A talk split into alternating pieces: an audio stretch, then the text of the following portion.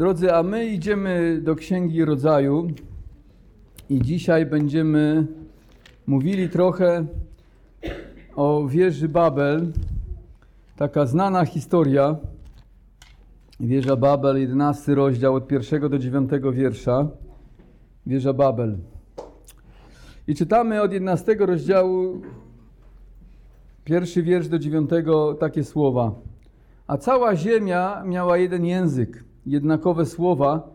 Podczas swojej wędrówki ze wschodu znaleźli równinę w kraju Synear i tam się osiedlili.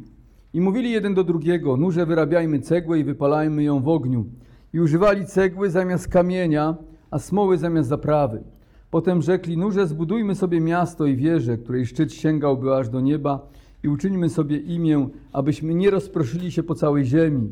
Wtedy stąpił Pan, aby zobaczyć miasto i wieżę, które zbudowali ludzie. I rzekł Pan, oto jeden lud i wszyscy mają jeden język, a to dopiero początek ich dzieła. Teraz już dla nich nic nie będzie niemożliwe. Cokolwiek zamierzą uczynić, przeto stąpmy tam i pomieszajmy im język, aby nikt nie rozumiał języka drugiego. I rozproszył ich Pan stamtąd po całej ziemi i przestali budować miasto. Dlatego nazwano je Babel, bo tam pomieszał Pan język całej ziemi i rozproszył ich stamtąd po całej powierzchni ziemi. Panie, dziękuję Ci za Twoje słowa pomóż mi wyjaśniać. Amen. Wielu ludzi chciałoby, żeby świat ich zapamiętał lub poznał. To widzimy w internecie. Od chwili, kiedy pojawiła się możliwość, że każdy z nas może swobodnie umieszczać treści w internecie, mamy taki wysyp ludzi, którzy chcą się dać poznać światu. Z tego powodu ludzie chcą stworzyć wielkie rzeczy, które wszyscy będą podziwiać. Niektórzy chcą zbudować wielkie obiekty, jeszcze inni odkryć nowe technologie. Ktoś chce zrobić świetny film, czy stworzyć wspaniałą sztukę.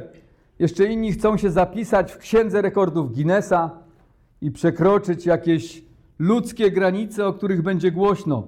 To może być najdłuższy bieg, spięcie się na najwyższy szczyt, najdalszy skok, czy najdłuższy okres przebywania w lodowatej wodzie i wiele, wiele innych.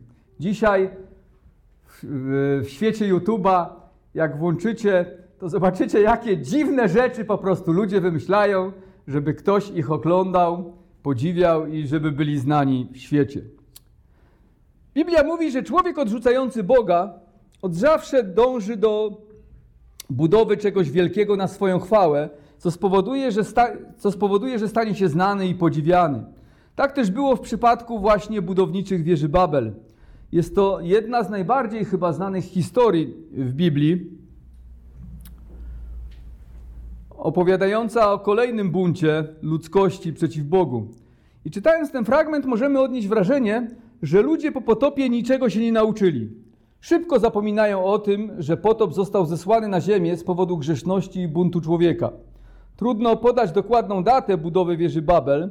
Wiemy, że było to za czasów Pelega, gdy podzieliła się ziemia, więc jeśli to za czasów Pelega, to między 101 a około 300 lat. To więc ja szacuję, że budowa wieży Babel gdzieś była 200, może 250 lat, gdzieś w tym okresie po potopie.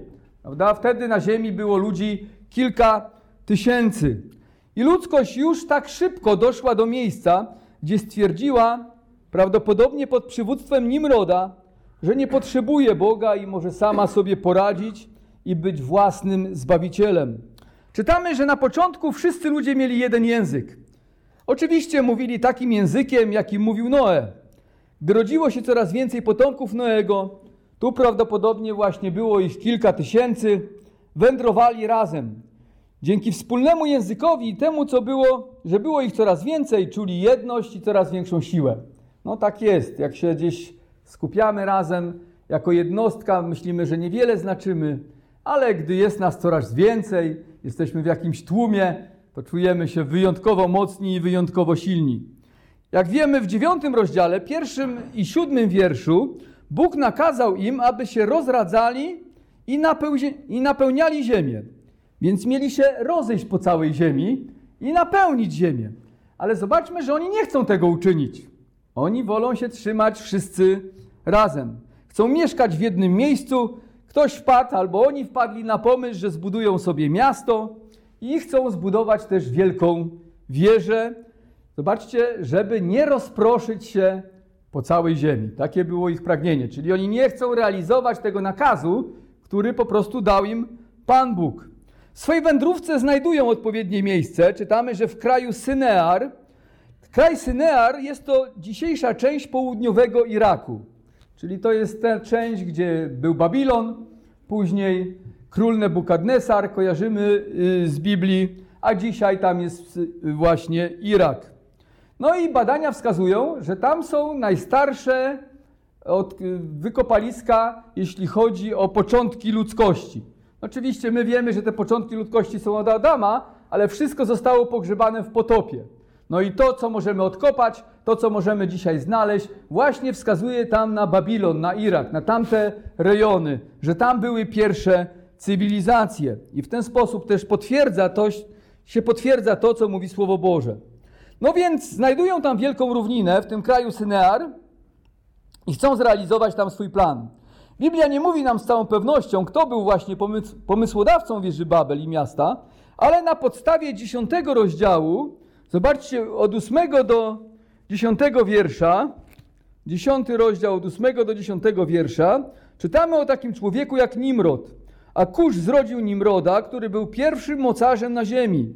Był on dzielnym myśliwym przed Panem, dlatego mówi się dzielny myśliwy przed Panem jak Nimrod, a zaczątkiem jego królestwa był Babilon, Erach, Akad, Kalne w kraju Synear. To więc wygląda na to, że Nimrod był tym przywódcą, tym pierwszym królem, tym pomysłodawcą. Może nie on sam, ale jakaś grupa ludzi wpadła na ten pomysł. Czytamy, że Nimrod założył miasto Babilon, którego nazwa oznacza bramę Boga, a Babel oznacza pomieszanie. Widzimy tutaj wyraźną grę słów. Nimrod chce założyć Babilon i wieżę, które ma sięgać nieba.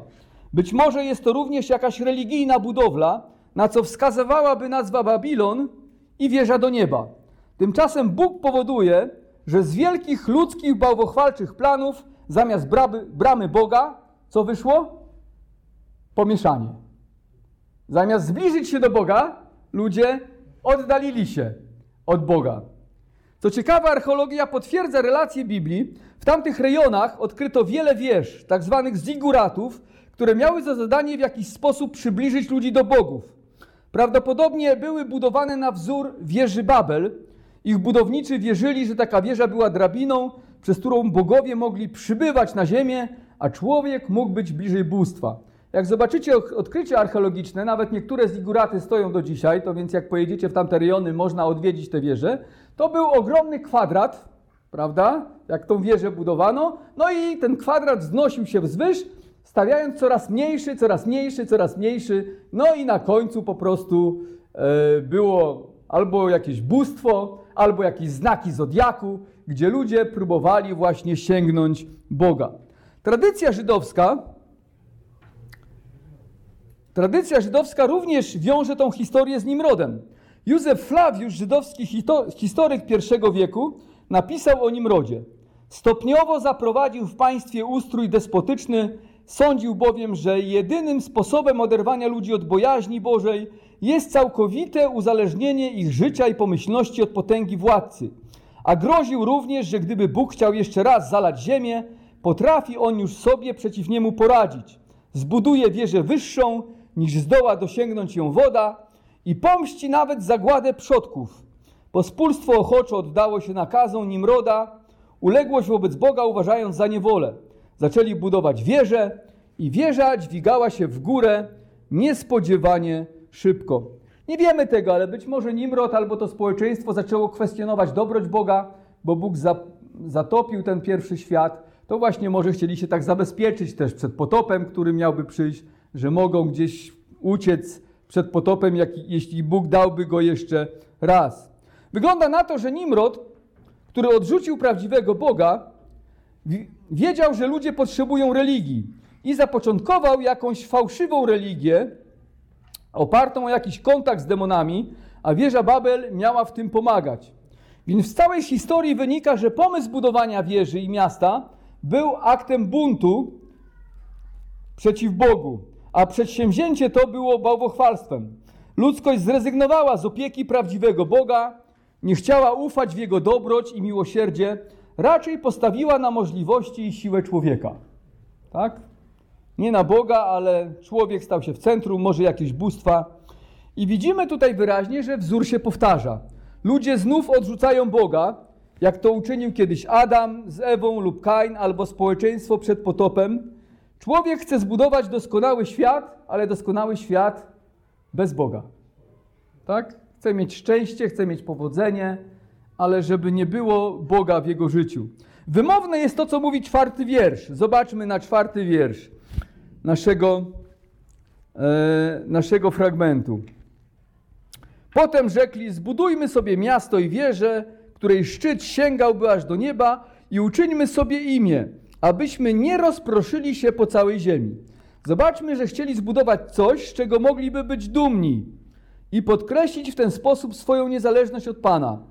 Zbudujmy sobie imię. Hebrajskie słowo imię, schem, może oznaczać reputację, sławę, chwałę i pomnik. Nowa ludzkość bezpieczeństwa upatrywała w tym, że są razem, stanowią dużą siłę i mogą zrobić coś wielkiego razem, a nie w zaufaniu Bogu. Tak? Jednak w księdze Jeremiasza czytamy, nie wiem czy pamiętacie, 17 rozdział, 5 wiersz. Zobaczcie, księga Jeremiasza, 17 rozdział, 5 wiersz, czytamy tak. Przeklęty mąż albo człowiek, inne tłumaczenia, który na człowieku polega i z ciała czyni swoje oparcie, a od Pana odwraca się jego serce. Przeklęty człowiek, który z ciała, czyli z tego, co nie jest wieczne, tak? To może być drugi człowiek, to mogą być jakieś wielkie rzeczy, które zrobiłeś, to może być Twoje wykształcenie, to mogą być pieniądze, tak? Przeklęty mąż, przeklęty człowiek, który na człowieku polega. To nie chodzi o to, że nie mamy odbierać pomocy, jeśli ktoś chce nam pomóc, albo oczekiwać pomocy od naszych przyjaciół, znajomych czy rodziny. Chodzi o to, że nawet jeśli otrzymujemy pomoc od człowieka, to musimy wiedzieć, że to Pan przez człowieka nam pomaga. Nie człowiek jest tym obiektem naszej ufności. Nie powinien być tym tej obiektem naszej ufności, ale powinien być nim Bóg. Przeklęty człowiek, który na człowieku polega i z ciała czyni swoje oparcie, a od Pana odwraca się jego serce. Jak przeczytacie historię Izraela, to często Bóg miał to za złe Izraelowi, że nie ufali Panu, ale na przykład ufali innym narodom. Egiptowi, prawda, czy innym sojusznikom wierzyli, że mogą ich wyratować z kłopotów. W chwili, gdy nasi bohaterowie, budowniczy wieży Babel, postanowili zbudować miasto i wieżę bez Boga na swoją chwałę, stali się przeklęci.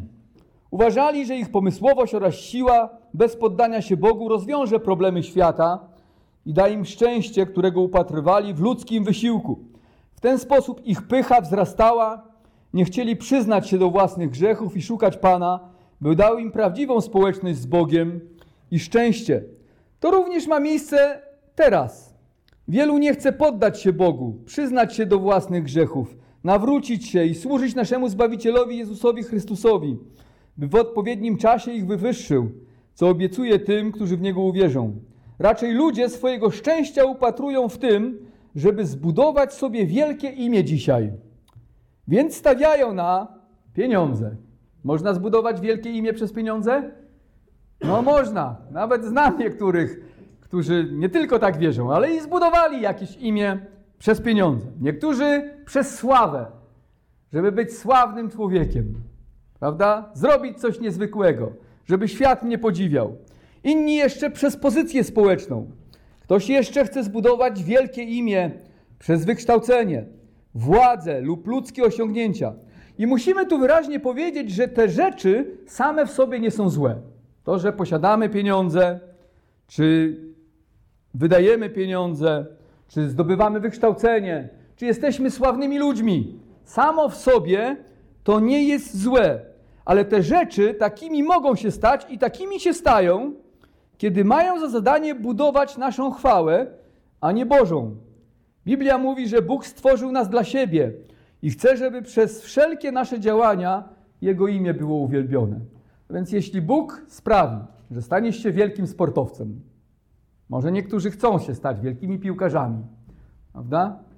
Bóg sprawi, że staniesz się wielkim sportowcem albo znaną osobą na całym świecie, to Bóg chce, żebyś czynił to na Jego chwałę, żeby przez to, co On ci dał i kim jesteś, Jego imię, imię naszego Zbawiciela zostało uwielbione i wywyższone. Bóg nie chce, abyśmy budowali swoje imię na tym świecie, ale głosili imię Jezusa Chrystusa i by Jego imię było wywyższone i wyniesione ponad wszelkie imię w naszym życiu i przez nasze życie. Tego pragnie Bóg. List do Filipian 2, 9, 10. Aby imię Jezusa było znane na całym świecie i żeby każde kolano i każdy język zginał się przed imieniem Jezusa. A wtedy, kiedy Bóg wywyższy, wywyższy, kiedy Jezus będzie wywyższony, to Biblia mówi, że kiedyś i Jezus i nas wywyższy w odpowiednim czasie.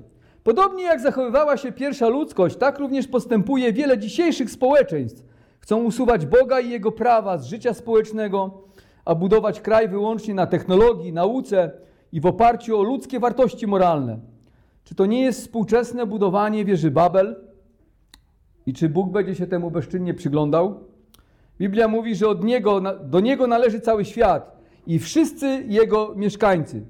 I widzimy, że Bóg interesuje się dążeniami ludzi. W naszym fragmencie postanawia przyjrzeć się temu, co ludzie czynią.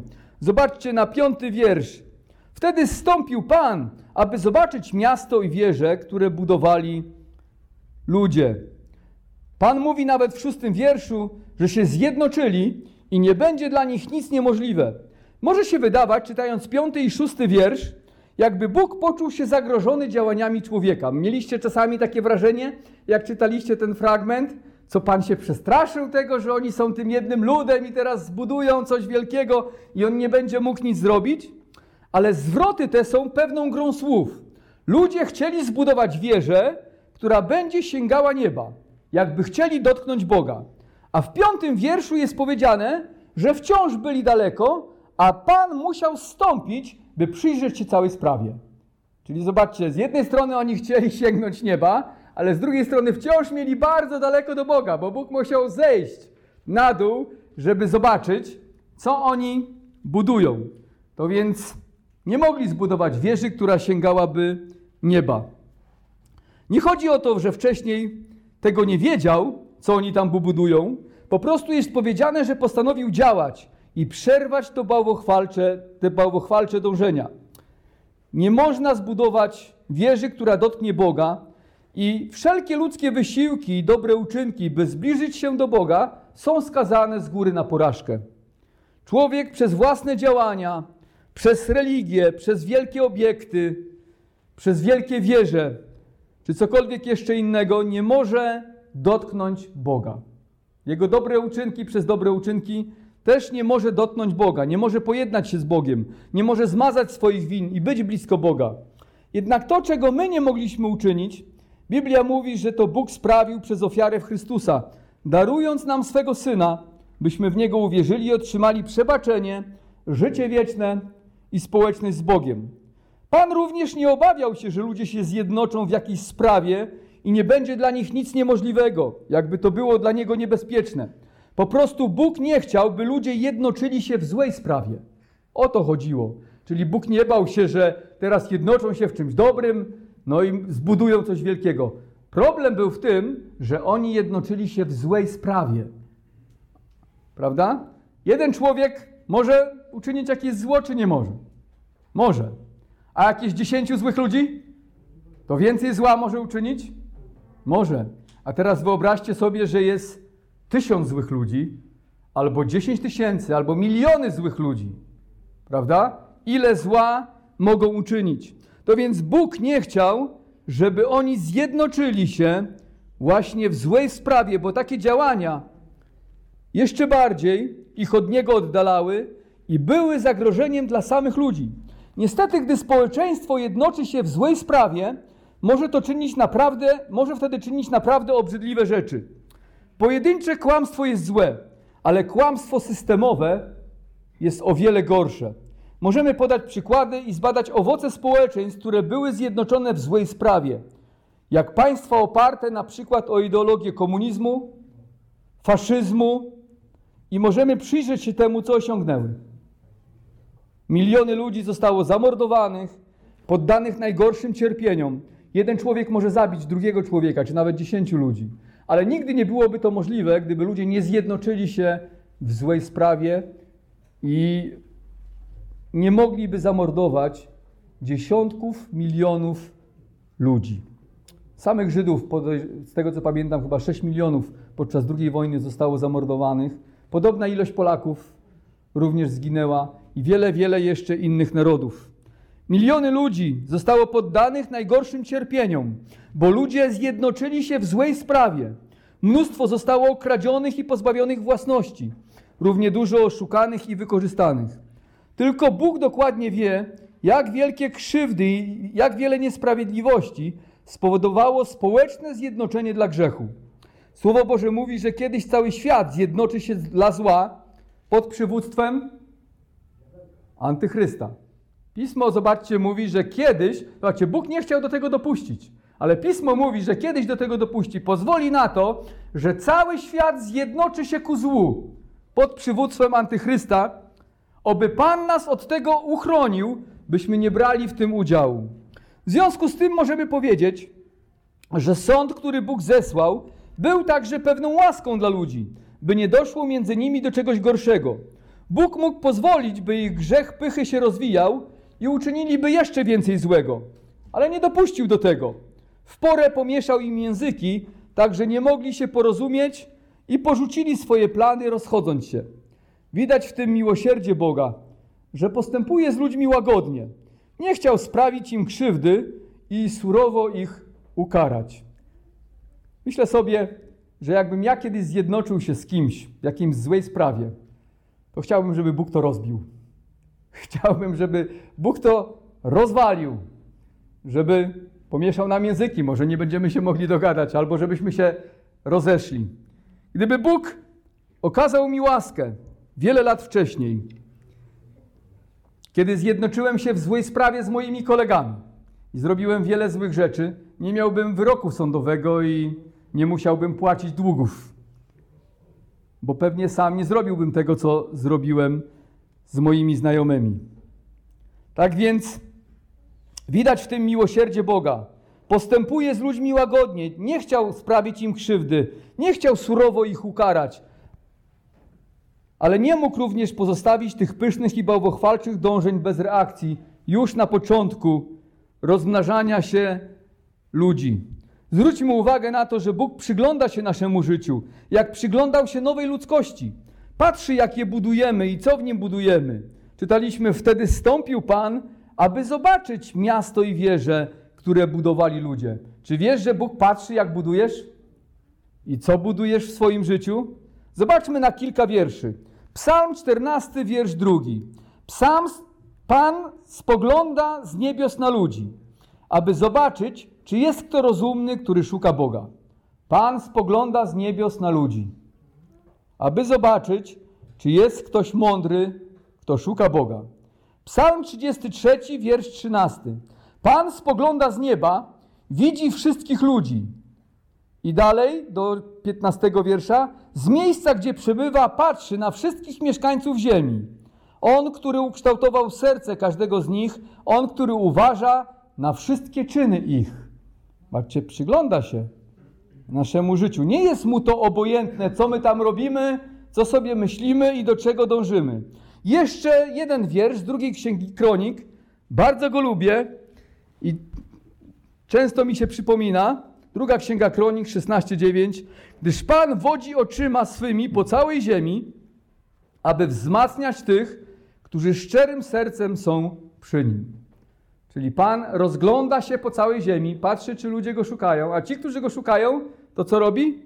Błogosławi tym ludziom. Macie, błogosławi, wzmacnia tych ludzi. Pan widzi nasze dążenia i pragnienia.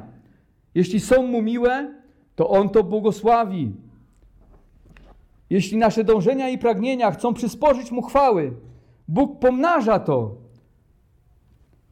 Jeśli widzi, że szczerze go szukamy, jest z nami.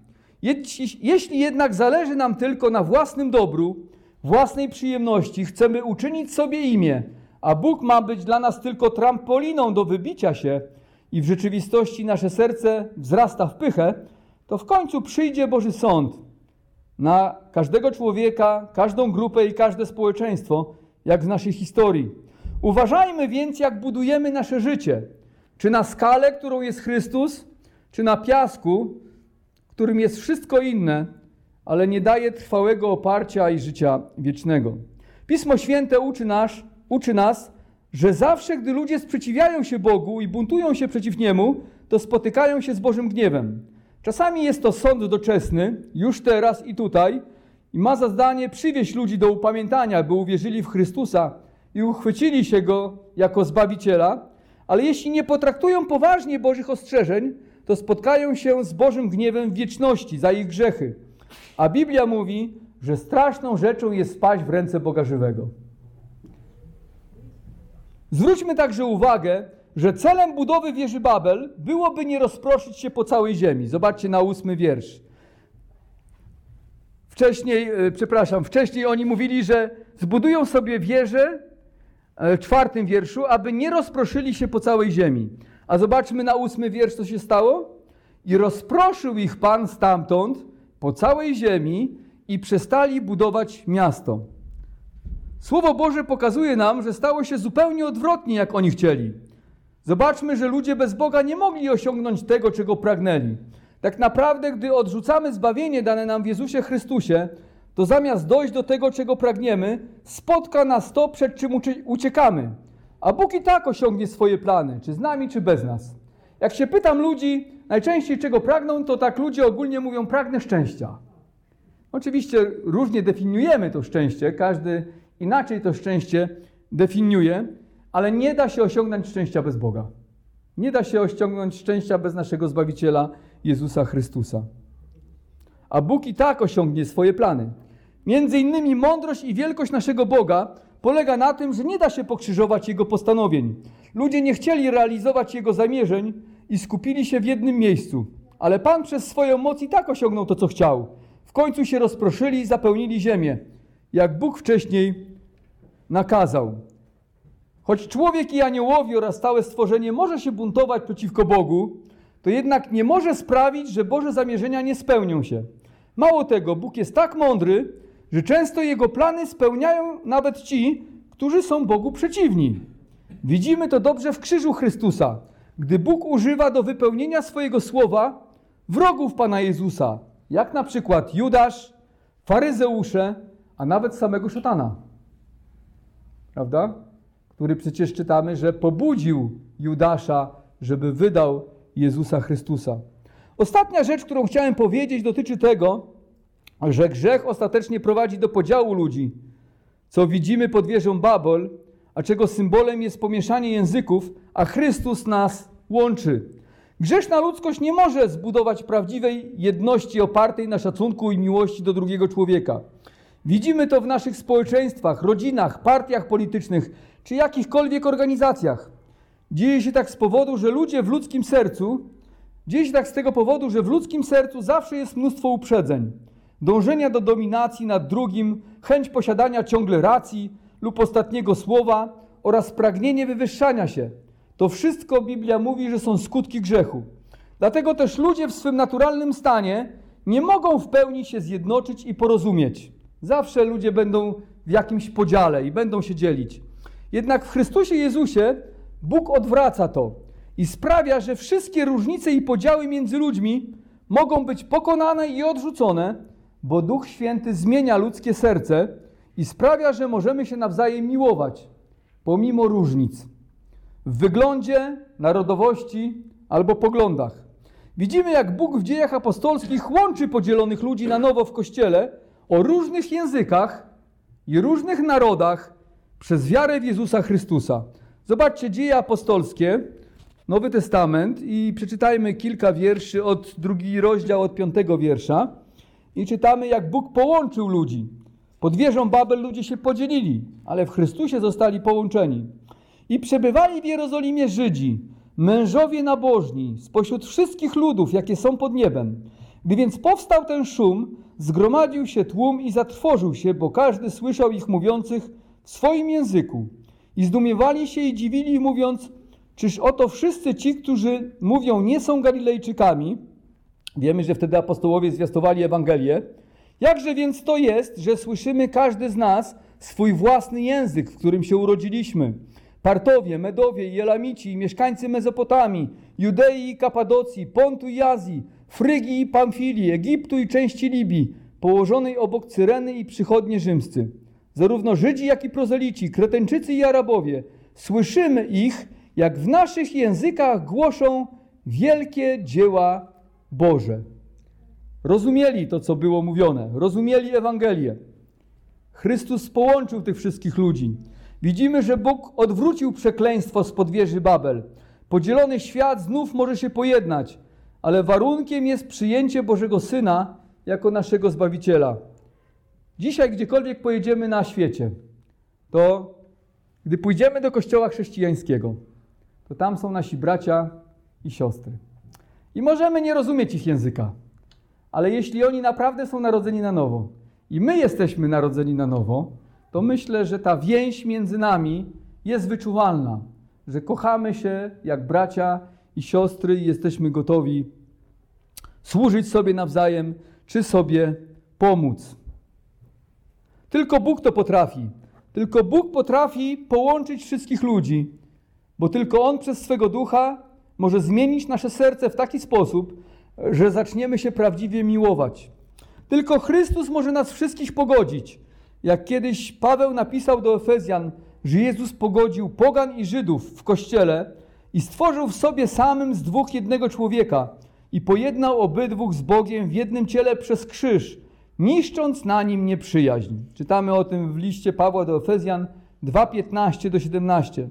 Chrystus może pogodzić skłóconych i rozdzielonych małżonków. Może to zrobić? Ma taką moc. Może to zrobić. Chrystus może pogodzić skłócone i rozdzielone rodzeństwo. Zdarza się? Ojejciu, jak ja wiele razy słyszę, że rodzeństwo nie może się dogadać. Ostatnio słyszałem w kościele gdzieś spadek otrzymali po jakiejś ciotce sporo pieniędzy. No i nie mogą się porozumieć, kto ile ma wziąć, kto się najwięcej opiekował, a kto mniej się opiekował. I w kościele rodzeństwo nie może się zgodzić. Chrystus może połączyć skłócone rodzeństwo. Chrystus może połączyć skłóconych braci i siostry. Może połączyć? Może. Możemy sobie wybaczyć. Tak? Nawet jeśli jakieś problemy między nami się pojawiły, jakieś trudności, jakieś niedomówienia, jakieś pretensje, przecież możemy się spotkać, możemy porozmawiać, możemy się razem pomodlić i możemy sobie wybaczyć. Chrystus może połączyć zwaśnione narody. Może to zrobić? Może. Chrystus może połączyć i Rosjan, i Ukraińców. Chrystus może połączyć i Palestyńczyków, i Żydów. Jedynym warunkiem jest, żeby ludzie w Niego uwierzyli. Chrystus może to uczynić, bo ma moc wszystkich pojednać w Kościele. I kiedyś właśnie pod przywództwem Chrystusa cały świat się zjednoczy ku chwale Boga, o czym czytamy w Księdze Izajasza, drugi rozdział. Otwórzmy Księgę Izajasza, drugi rozdział i zobaczmy, jak Chrystus połączy kiedyś całą ziemię. Księga Izajasza, drugi rozdział od drugiego wiersza.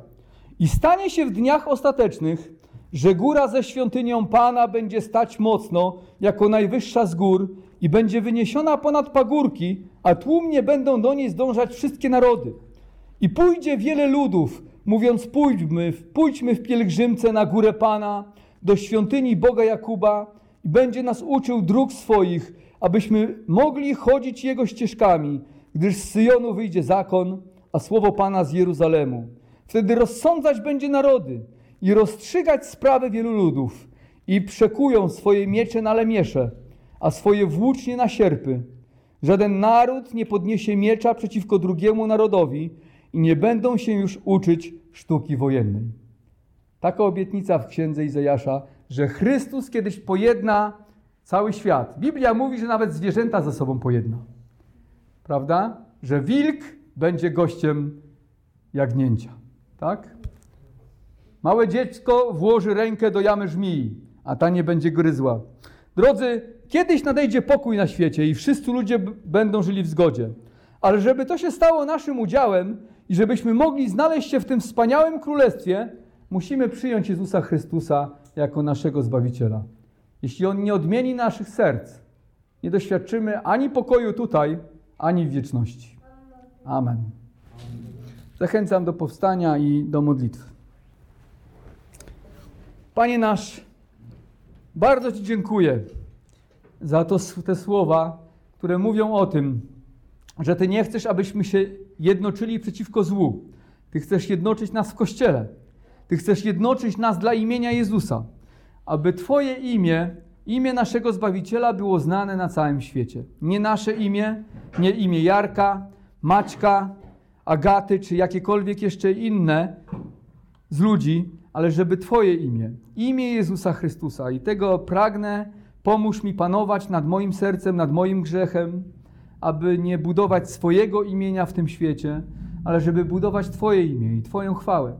Pomóż to uczynić naszemu zborowi, aby nie budować tutaj imienia jakiejś naszej denominacji, ale żeby budować imię Jezusa Chrystusa.